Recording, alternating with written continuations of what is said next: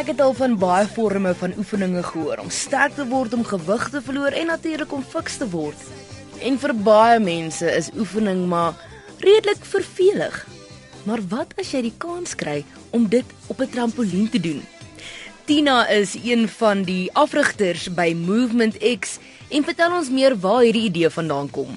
So, actually, funny enough, I was watching a YouTube video that I found on Facebook, and there was this crazy trampoline class that they were doing internationally, and they were really going at it. And I thought, this is really cool, I need to do it. And then I, I Googled and I found that the company is in America. So, you know, I ordered the trampolines, we did a course, it came with a whole course, and we decided to start doing it here.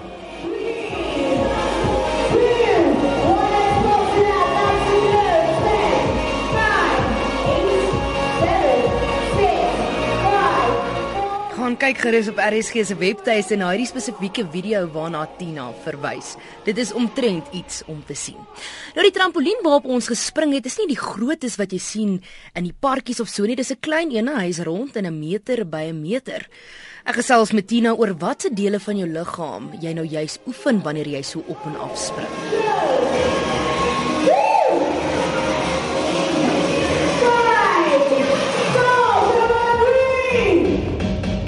So with the trampoline, you basically working your full body. Because think about it, you're jumping. So you're working your legs, you're working your arms to give you that balance, you're working your core to keep you stable. Yeah, so you basically work lot, all, all your muscles. And the cardio part is the jumping. So it's that continuous jumping that's keeping your heart rate up.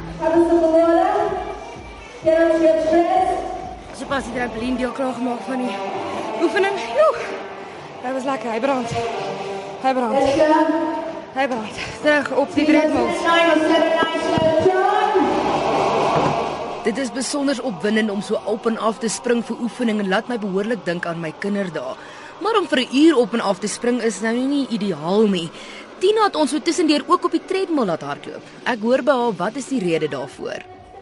You can do a full hour. I just like to change it up because some of the women it does get a bit much, and then you start seeing they start getting a bit lazy. So it's always nice to keep everyone on their toes. So when they come back, they give it their all. Otherwise, you know, they start getting like off the tramp and they're having a sip of water and and all of that. The other good thing is is that uh, the benefits of it is it's great for blood circulation. You know, uh, it's it drains your lymphs, so it also detoxifies you. Good for cellulite. So there's a lot of good things about it also. Jump!